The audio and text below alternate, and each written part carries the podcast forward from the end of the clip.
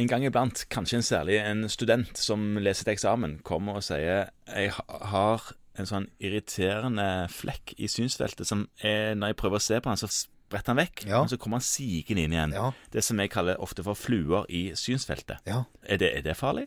Nei. Nei, som oftest ikke. Noen ganger har man bare én, og noen ganger har man flere, og noen ganger har de kommet plutselig. Og- de viser jo ofte best på en lys bakgrunn. Ja. Så hvis man sitter i et lyst rom mot en hvit bakgrunn, eller man er ute og går på ski, Ellers jeg sitter her som student og leser i boken som hadde hvite ark. så flyter disse rundt. Og de har jo, kjært barn har jo mange. De kaller vi for flytere, eller fluer, eller flekker i synsfeltet osv. Og, så og det representerer jo bare fordunklinger, eller sammenfall, i det vi kaller for glasslegeme, eller corpus vitrum. Ja, som er det som er inni øyeeplet. Det er geléballen inni øyeeplet. Og den har da som funksjon å holde øyet i en kulere form, og bidra til gode optiske forhold. Ja. Den er festa langs kanten til netthinnen med noen sånne små festepunkter. Og av og til i forbindelse med at dette glasslegemet enten tørker litt inn, som det kan gjøre når vi blir litt voksnere, eller av andre årsaker, så, så nappes de litt løs, og da kan man se det som sånne små lysglimt. Det er noe annet. Disse her lysglimtene, hvis de kommer i tillegg til fluer Ja, da, da skal man tenke seg litt om Er det ildfluer, det, da?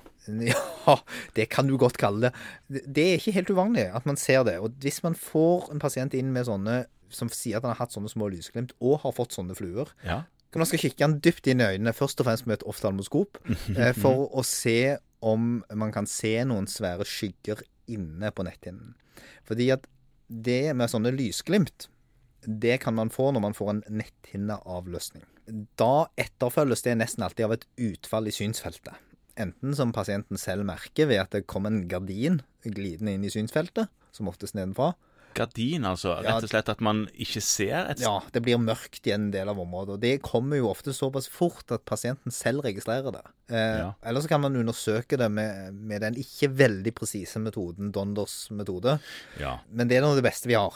Ja. Donders metode er jo en metode som krever at den som undersøker, har et perfekt sidesyn. Ja. Du bruker deg sjøl som Du eh, bruker deg sjøl som referanse, og det er en svakhet med metodikken. Men det er det man har. Men det er det man har, og, og det bør gjøres før du tar opp telefonen og ringer til øyelegen og sier at her tror jeg jeg har en netthinne som er i ferd med å løsne. Ja, Så disse fluene i synsfeltet de kan du berolige pasienten og studenten med. Veldig vanlig. Men dersom det blir lysglimt og gardin, da, Da- er det øyelege som skal være med. Da skal øyelege se på det. Men hvis det bare er enkeltstående lysglimt, og da snakker vi ikke om noen nyttårsaften, Mhm. men at han har sett et eller annet, og du kikker han dypt inn i øynene, og det ser fint ut, Ja. så kan du gjerne ringe til øyelegen, men da vil du som oftest få beskjed om at ja, bare henvis han inn.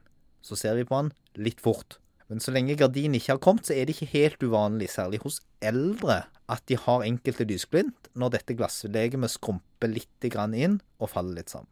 Når det faller litt sammen, så får man disse fordunklingene i det, som mange ser, som fluer eller flekker i synsfeltet. ja. Og de seiler jo rundt der, og det er ikke så grusomt mye å gjøre med de. Nei.